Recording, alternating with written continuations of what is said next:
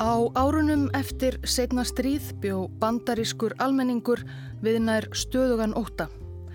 Jú, kaldastríðið var hafið og kjartnorku ógnin úr austri lág eins og mara yfir bandarísku þjóðlífi. En bandaríkin áttu einnig við annan óvinn að etja, ósýnilegan óvinn sem let til skara skrýða á sumri hverju og réðist gegn bandarískum börnum og ungmennum. Óvinn sem virtist bara styrkjast með hverju árinu sem leið eins og í takt við aukna velmegun og framþróun bandarísku þjóðarinnar.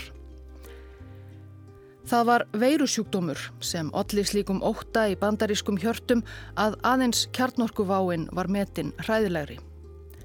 Þó svo að margir bandaríkjamenn hafi glýmt við erfiðari heilsufarsvandamál kannski var ákveðið að leggja allt í að hveða niður þennan óvætt í eitt skipti fyrir öll og með fordæmalösu átaki vísindamanna og almennings hafðist það að lokum. This is polio and it is something for you to remember. Polio is not over. Polio is not over for this patient. Polio is not over for thousands. Mænuveiki eða lömunarveiki er hún yfirleitt kölluð á íslensku. Þetta er sjúkdómur sem hefur fyllt mannkininu í árþúsundir. Á veggjum forn ekifskra grafhísa má sjá teikningar af fólki sem ber þessi klassísku merki um að hafa síkst af mænuveiki, fólk með vissnaða fótleggi, börn sem styðjast við göngustafi. Fræðimenn hafa líka fundið lýsingar á sjúkdómum sem um margt líkjast mænuveiki í rítum hippokratesar og fleiri lækna fornaldar. Og sumuleiðis eru kenningar um að ímsar personur úr mannkynnssögunni gætu hafa þjáðstaf mænuveiki og afleðingum hennar, Klátius Rómarkeisari sem haldraði eftir veikindi í varnæsku, skoski rítöfundurinn Sir Walter Scott sumuleiðis. Lengst af var veikin þó nokkuð sjálfkef og því lítið vitað um hana, orsakir hennar og annað. 1789 lísti ennskur læknir Michael Underwood veikinni formlega fyrstur manna og kallaði eftir einu sínilegasta einkenninu kraftleysi í neðri útlimum. 120 árum síðar, 1909, bar svo austuríski lífræðingurinn Karl Landsteiner kennsla á sökudólkin veiru þá sem veldur veikinni, polioveiruna. Við vitum í dag að polioveiran berst aðalega manna á milli með sörgjarlum sem komast í tæri við munn, oftar en ekki í gegnum mengað vatn, síktan, mat, óþvegnar, hendur eða önnur óhreinindi. Mikill meirhluti þeirra sem smittast af polioveirunni fá engin enkenni eða alltaf 70% smittaðra og margir aðrir eitthvað um fjórðungur, aðeins mjög væg enkenni, kannski hita á hálsimsli, höfuðverk. Lang flestir ná sér þá á viku eða tveimur. En sjúkdómurinn á sér myrkari hlið. Í eitthvað á bylinu 0,5 til 1% tilfella berst veiran í miðtögakerfið getur unnið skada á mænu og leiti lömunar útlima og lífæra. Stundum gengur þessi lömun tilbaka að einhverju eða öllu leiti. Stundum gerur hún það alls ekki og þetta getur leitt til dauða þegar öndunarfærin verða lömuninni að bráð og sjúklingurinn hættir að geta andað.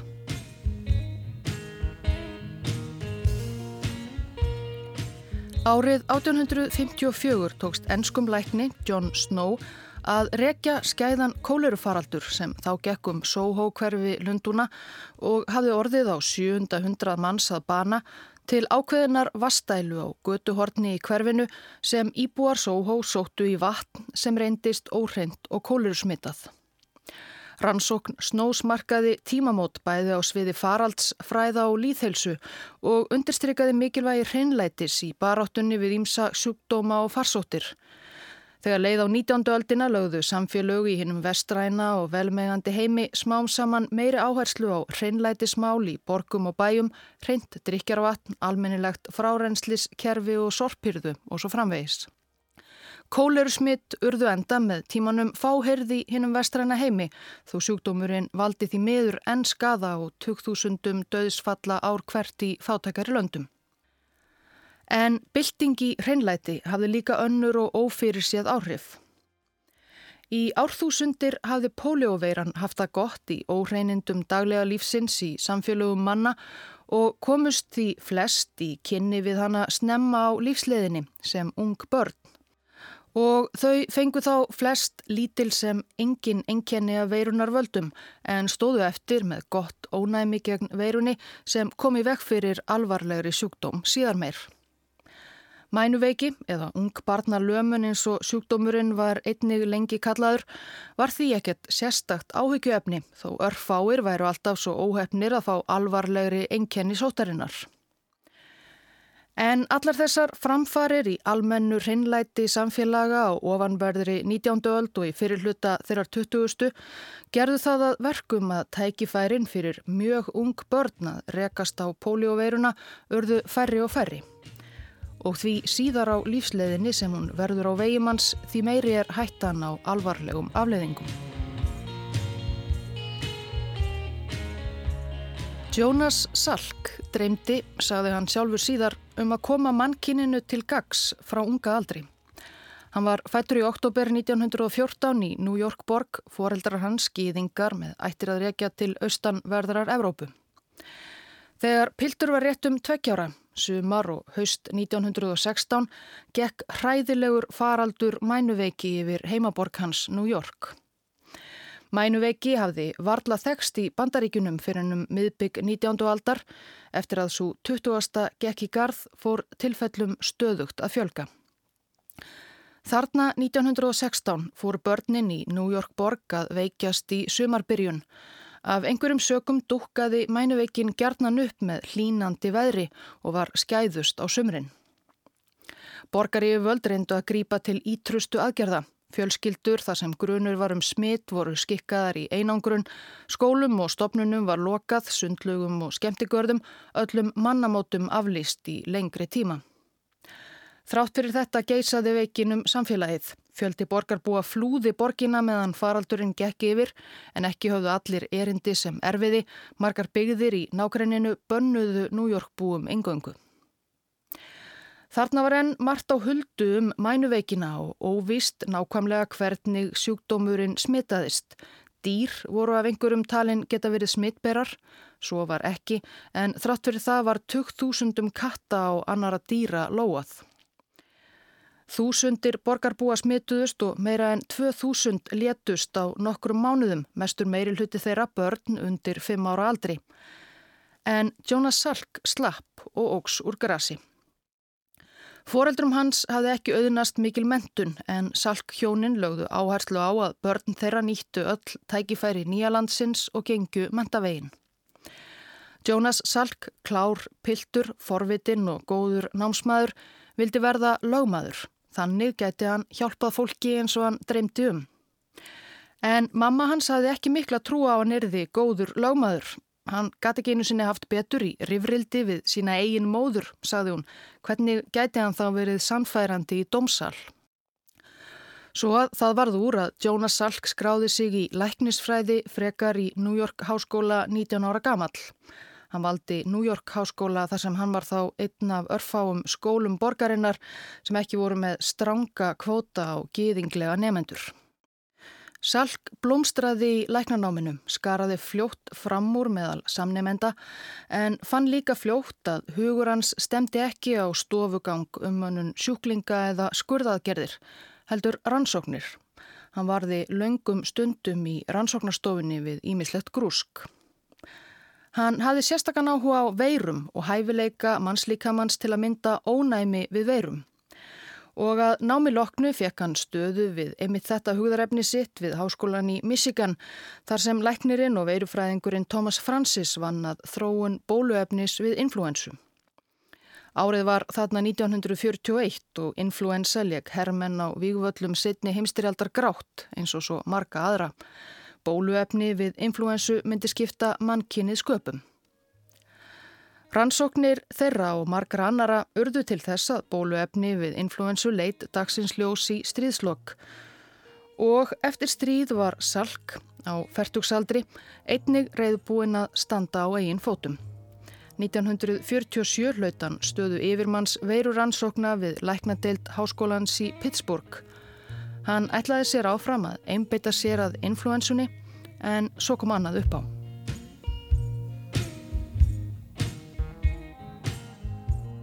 Mænuveiki lagðist sem fyrir segir oftast á börn.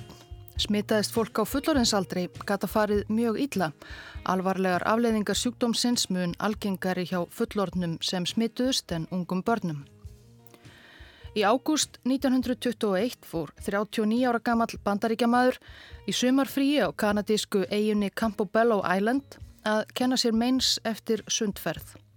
Fyrst fekk hann hita og önnur óþægindi en á örfáum dögum fór lömun að breyðast um líkama hans þar til loks hann var orðin nær alveg lamaður fyrir neðan mitti. Þetta leit út fyrir að vera mænuveiki. Veikindin komi sér afar ítla fyrir bandaríkjamannin, eðlilega, en ekki síst vegna þess að hann hugði á frama í stjórnmálum. Sjúklingurinn var Franklin D. Roosevelt sem hafi bóðið sig fram til varaforsetta bandaríkjana í síðustu forsettakostningum 1920 fyrir demokrataflokkin, hafði ekki erindi sem erfiði en var alls ekki búin að gefast upp, ætlaði sér stóra hluti á hennu pólitíska sviði. Læknar Roosevelts á sínum tíma greindu hann með mænuveikina en síðari tíma greining á einkennum hans bendir frekar til að hann hafi verið með Gílian-Barr heilkenni, taugasjúkdóm sem valdi getur lömun í útlimum þegar ónæmiskerfi sjúklings ræðst á eigið úttaugakerfi.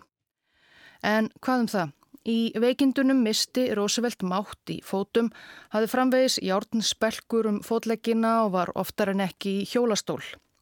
Ættinger Roosevelts vildu margir hverjir að þann drægis í hlje vegna veikindana. Stjórnmálaferlinum hlaut að vera lokiði núna. En hann var sjálfur ekki á því. Hann neytaði að leifa sjúkdómnum að sigra sig. 1926 kefti Roosevelt landareign í Warm Springs í Georgiu þar sem talið var að uppsprettu vatnið hefði hilsusamlega einleika.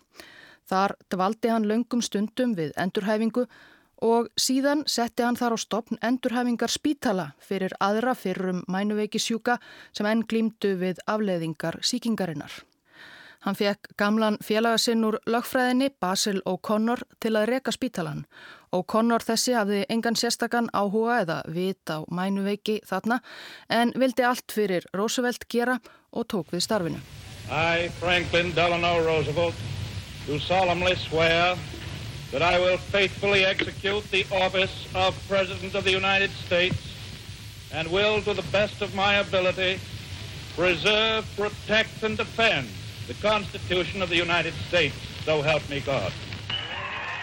1933 tók Roosevelt við ennbætti fórseta bandaríkjana. Föllun hans hafði sumsi ekki aftraðunum frá því að ná æðsta ennbætti bandarísku þjóðarinnar.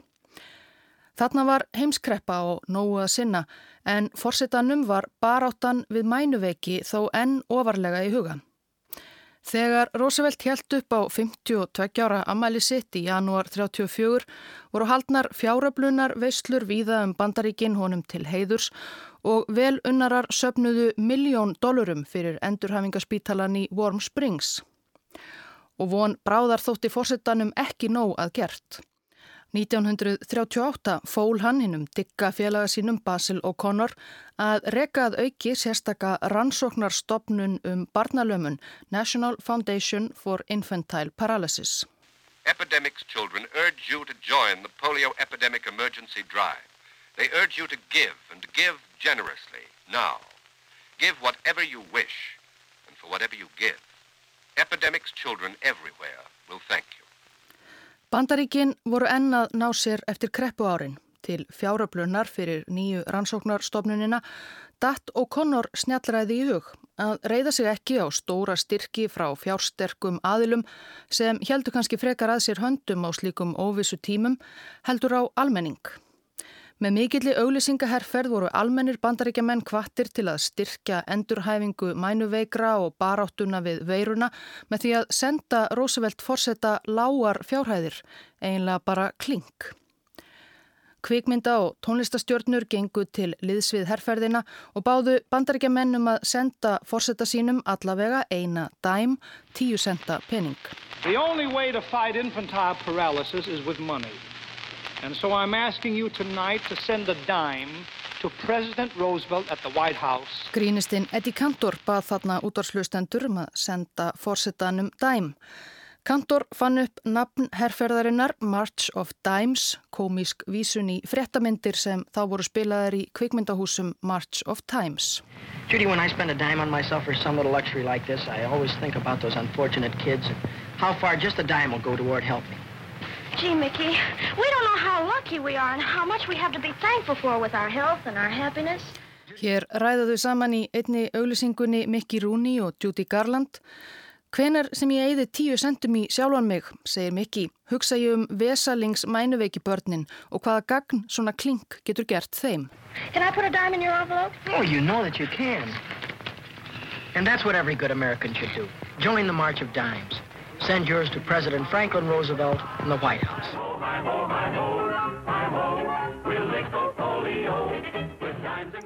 Klink söpnunin gekk vonum framar. Umslög með tíu senta peningum streymdu í kvítahúsið, söpnunabaukar í kvikmyndahúsum þar sem auglýsingar March of Dimes voru síndar fylltust á undraverðum hraða. Mænuveiki var líka með árunum að verða sífælt tíðari og sífælt stærra áhyggjuefni fyrir bandaríska foreldra. Þó svo að sjálfgeft væri að börn lömuðust eða færu illa út úr sjúkdómnum á annan hátt var það alltaf möguleiki og March of Dimes, herrferð Fossetans og félaga gerði það að verkum að sjúkdómurinn varð mjög áberandi í bandarískri umræðu. Send your dimes and dollars to your local March of Dimes headquarters. Help make this the victory March of Dimes. Þegar sjötti áratugur 20. aldar gekk í garð síndu skoðanakannanir að á eftir kjarnarkustríði og tilherandi heimsendi var mænuveiki það sem bandaríkjaman óttuðust mest. Mundu mig, sögðu döfleg börn í spelkum í auglýsingum sem spilaðar voru á undan myndunum í bandarískum kvikmyndahúsum. Remember me. Engin lækning var til við mænuveikinni, einungis aðferðir til að lena þjáningar hinna sjúku og endurhæfing þeirra sem lömuðust. Einn allra hræðilegasta byrtingamind mænuveikinar var járn eða stállungað, frumstæðar öndunarvélar sem fundnar voru upp um 1930. Lungun voru langir loftþjettir málmsívalningar sem sjúklingar lágu í hreyfingarlausir aðeins með höfuðið út úr. Í vélunum var mótorknúmin físibelgur sem þrýsti lofti á brjósthól sjúklingsins og sogaði það svo aftur, gerði sjúklingnum þannig kleift að anda út og inn. Sumir mænuveiki sjúklingar þurftu aðeins að dvelja í járnlungunum í einhverja daga eða vikur á meðan öndunarfærin öðluðust kraft á ný en aðrir festust í þeim gáttu aldrei meir komist af ánverða. When he can't breathe, his breathing must be done for him by an iron lung. And for weeks this was my life, my home. It was an essential part of my living. And I existed because it existed. Í þessum töluðum orðum eru enn örfáir einstaklingar á lífi sem bundnir eru í hjártlunga. Jafnvel á árum setni heimstyrjaldar, þegar Roosevelt bandaríkjaforseti stóð svo sannarlega í ströngu, hjælt hann áfram baráttunni við sinn gamla ofinn mænuveikina. En það virtist hún verða skæðari nær hvert sumar úr útvars áarpi forsetans fyrir Amalistæn sinn 1944.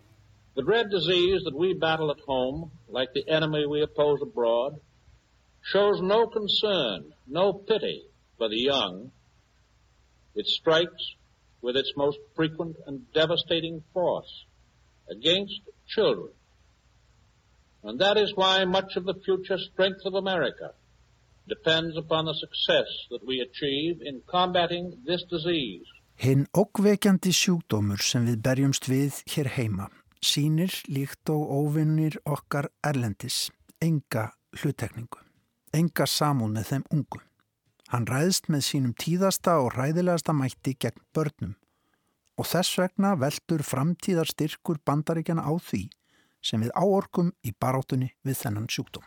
The dollars and the dimes that you contribute are the victory bonds that buy the ammunition for this fight against disease, just as the war bonds you purchase help to finance the fight against tyranny. Dollaratnir og sentin sem þið gefið fjármagna skotfærin í þessu stríði, gegn sótinni. Rétt eins og stríðskuldabrefin fjármagna stríðið gegn harðstjórn.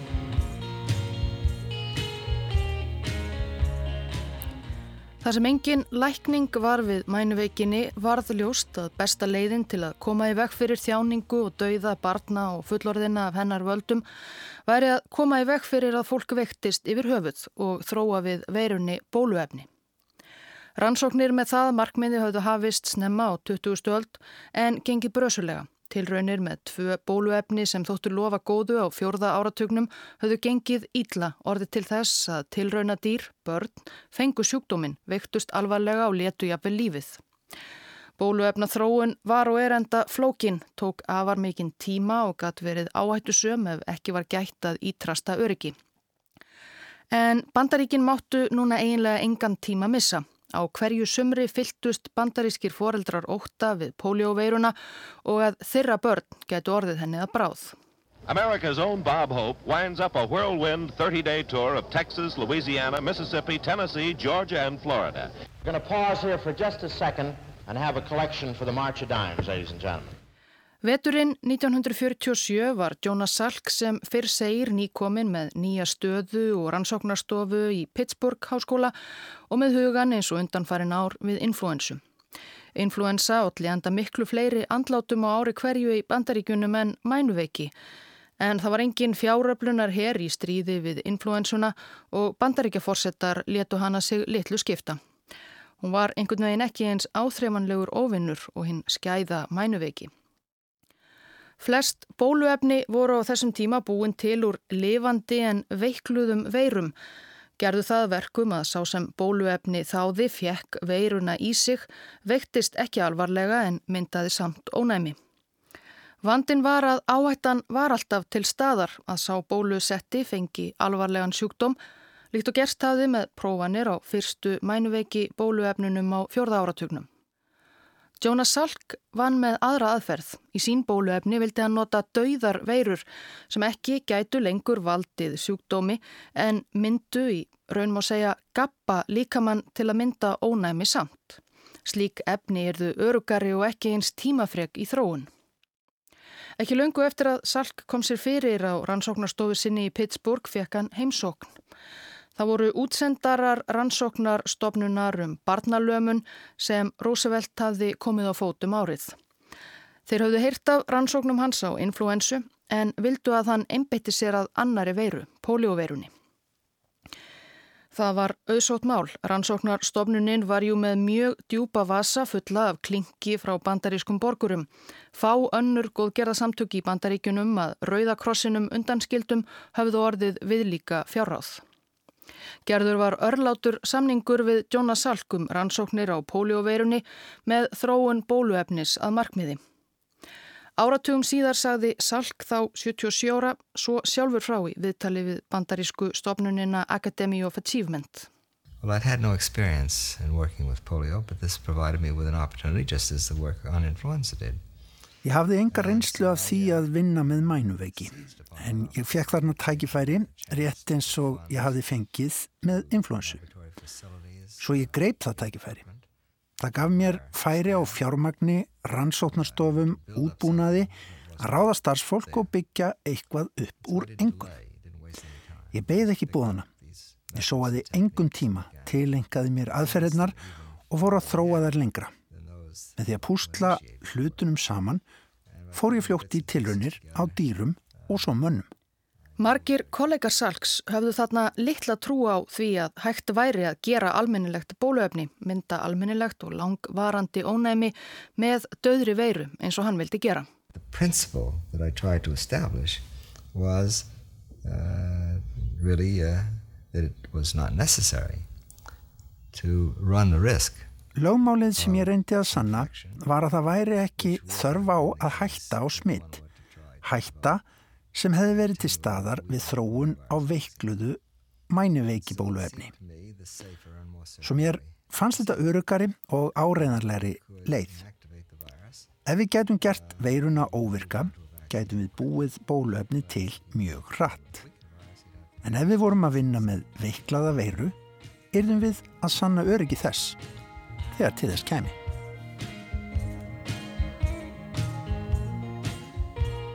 Sumarið 1952 hófst versti mænuveiki faraldur í sögu bandaríkjana.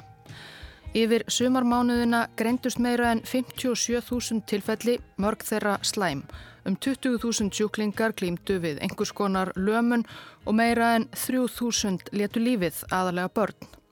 Ótti bandarískra foreldra við mænuveikina náði nýjum hæðum og stopnun þeirra Roosevelts og O'Connors sapnaði met fjárhæðum. En það var ljós í myrkrinum.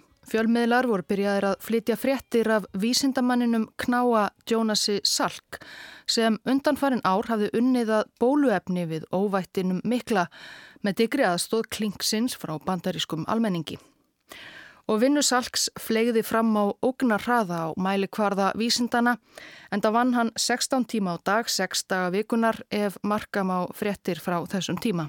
Working at Pittsburgh University's Virus Research Laboratory The 40-year-old Dr. Salk labored three years, often 16 hours a day, six days a week, Og vinnan bar árangur.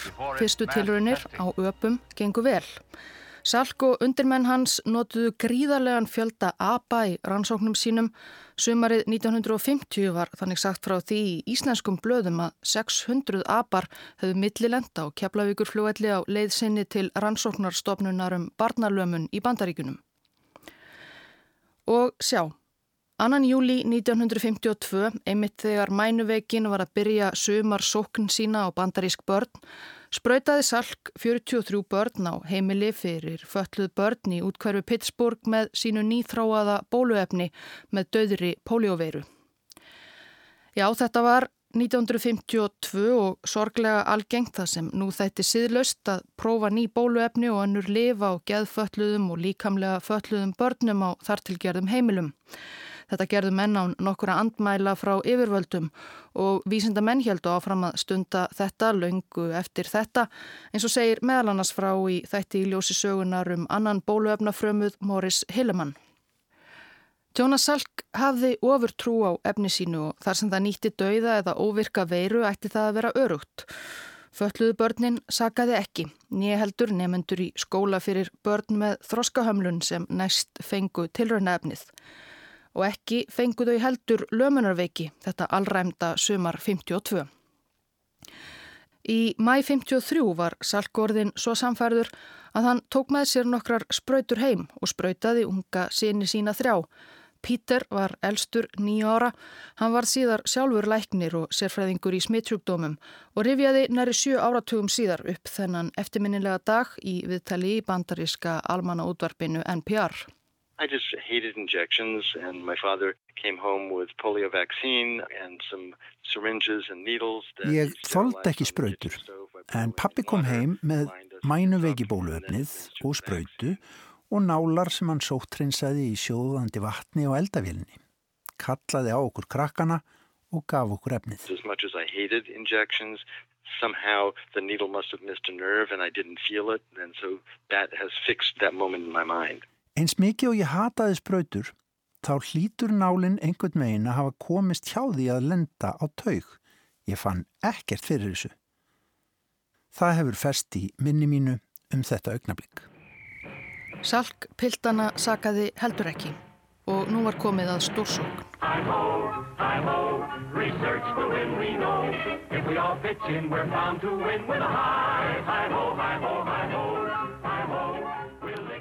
Sextánda november 53 tilkynnti Basil O'Connor fórsprakki rannsóknarstofnunar um barnalömun eða March of Dimes eins og yfirleitt var sagt að bóluefni Salks við mænuveiki væri svo gott sem tilbúið. Einungis væri eftir að prófa það á stærri hópum og það mátti enn engan tíma missa. Mænuveiki tímabilið á liðnu ári hafi verið hræðilegt og eftir nokkra mánuði færi að sumra og þá myndi veiran vakna ár dvala á ný. Planið var að gefa hundruðum þúsunda bandarískra barna nýja bóluefnið strax um vorið. Tilkynning þessi vakti gríðarmikla aðtegli í bandaríkunum. Fóreldrar önduðu léttar, svo virtist sem sigur á hinnum mikla óvinni væri í auksinn. Jonas Salk hinga til hlétrægur grúskari varð landsfrægur á svip stundu þekktasti vísindamæður bandaríkjana. Hann kom fram í útvars og bladaviðtölum til að kynna rannsóknir sínar og fullvisa almenningum að bóluefnið væri örugt. Hann var á forsýðu tæm. Mörgum kollegum hans, læknum og vísindamönnum gramdist hins vegar að bóluefnið væri fyrst kynnt fyrir fjölmiðlum og leikmönnum á svo ábyrrandi hátt áður en að aðrir sérfræðingar fengju að rína almennilega í efnið. Sá sem hæst gaggrindi salk var Albert Sabin, læknir við Barnaspítala Cincinnati háskóla sem um árabil hafði unnið að þróun mænuveiki bóluefnis án fjárhagslegar aðstóðar March of Dimes. Sabin þessi, eldri en Salk en með svipaðan bakgrunn, gýðingur ættaður úr Austur-Evrópu, vann með veiklaða lifandi veiru í sínu efni og hafði enga trú á döðri veiru Salks. Honum fannst hreinlega þetta allt saman hið mesta óðagott. Hann áætlaði að Salk þyrti að minnstakosti tíu ár til viðbótar til að sína fram á öryggi efnisins síns og skóf ekki af því. Það má gera þetta sem hann er að gera í eldhúsinu, saði Sabin eitt sinn. Salk er bara eldhús efnafræðingur.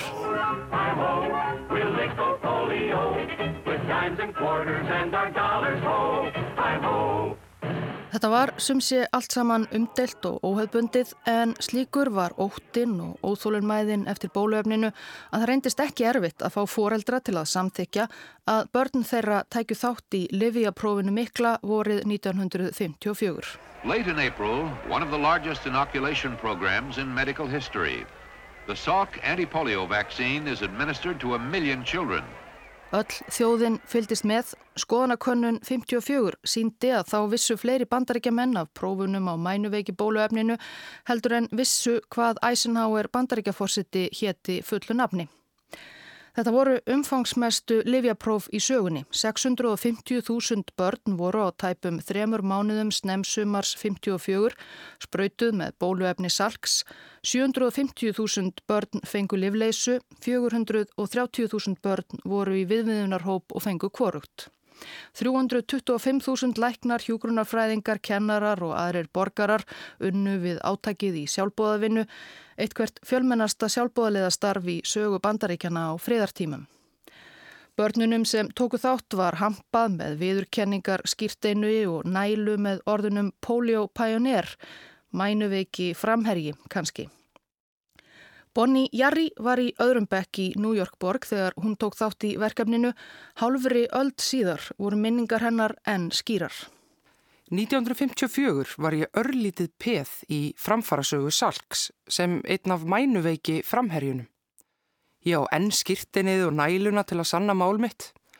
Mánaðarlega fóru við í bekknum niður á bráðabyrða sjúkrastofu skólans.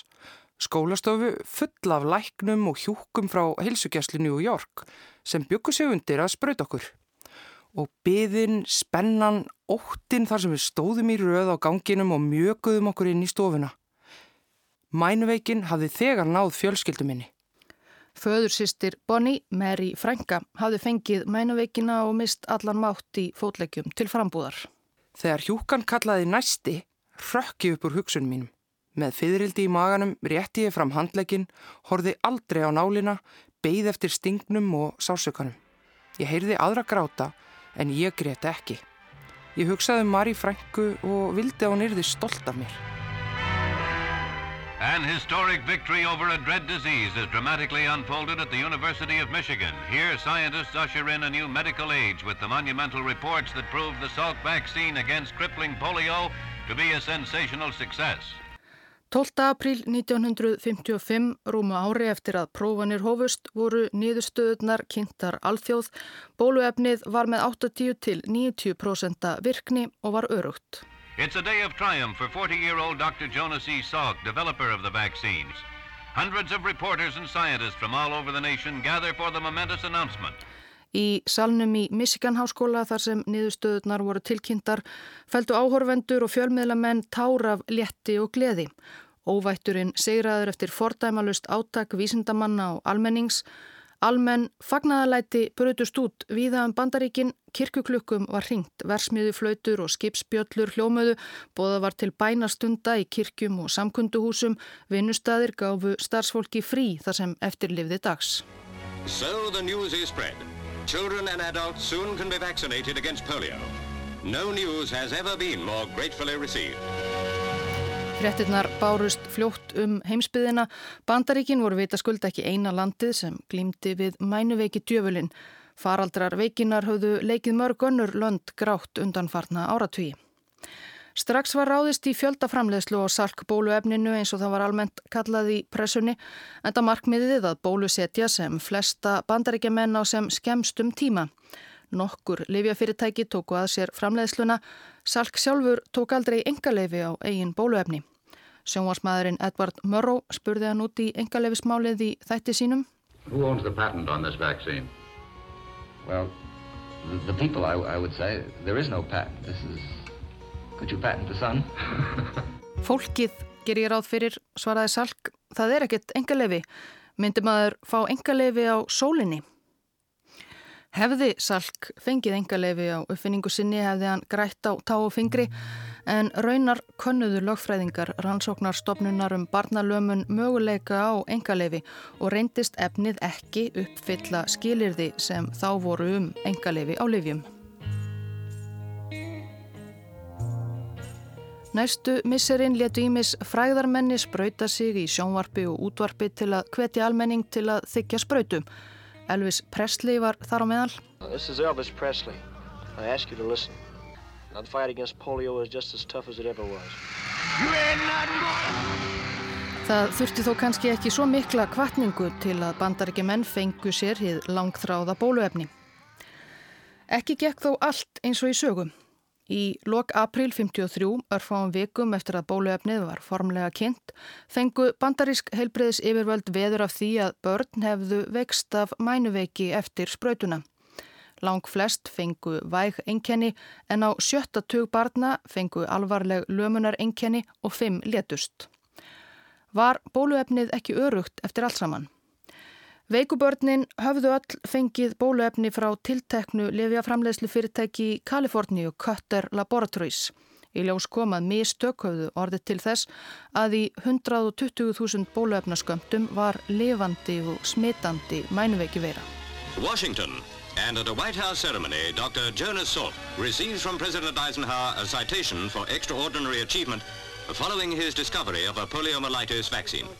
Eftirlit hins opimbera með framleiðslu bóluefnana var hert í kjölfarið og Kötter Laboratories harmleikurinn varð ekki til að varpa miklum skugga á salk bóluefnið og almennan fögnuð vegna þess. When I think of the countless thousands of American parents and grandparents who are hereafter to be spared the agonizing fears of the annual epidemic of poliomyelitis, I must say to you, I have no words. Eisenhower bandaríkjaforsiti sæmdi Jonas Salk orðu í janúar 1956. Salk hlaut óteljandi aðrar viðurkenningar og var almennt hampað sem þjóðhetju hvar sem hann kom. Honum var þó aldrei sérstaklega um fræðina gefið. Polio may never be over and polio is not over for you. It will not be over until the Salk polio vaccine is available to all. Then and then only can we begin to see fair skies 1953 veiktust 35.000 börn í bandaríkunum af mænuveiki. 1957, eftir bólusetningar herrferð, voru þau aðeins 5.600 og tilfellum held áfram að fækka næstu árin. Albert Sabin, myndur andstæðingur Salks sem gaggrínt hafði fljótræði hans og rannsóknarstofnunarinnar og kallað Salk eldhús efnafræðing, helt áfram vinnu við sitt bóluefni úr veiklaðri lifandi veiru í gegnum allt fjölmiðlafárið. Vegna þess hver bandaríkin voru heitbundin Salk prófaði hann sitt efni Erlendis í Mexiko og Sovjetríkunum og víðar. Bóluefni Sabins kom loks á markað 1961. Það reyndist þá vera enn áreðanlegra en efni salks og kom í formi pillu en ekki spröytu, ódýrara og mun auðveldara í dreifingu og neyslu. Það ítti því bóluefni salks fljótt af markaði, jáfnvel í bandaríkunum, og var þar helsta bóluefni gegn mænuveiki næstu áratugina sem og víðarum heim. Mænuveiki hefur ekki greinst í bandaríkunum áratugum saman og árið 1994 voru báðar Ameríku-álfur formlega lístar alveg lausar við mænuveiki. Evrópa er það sömu leiðis en sjúkdómurinn er enn vandamál annar staðar, sérilagi í Afganistan og Pakistan. Jonas Salk lést árið 1995 áttræður að aldri. Á efri árum vann hann að því öðru fremur að þróa bóluefni við alnæmi en hafði ekki erindi sem erfiði.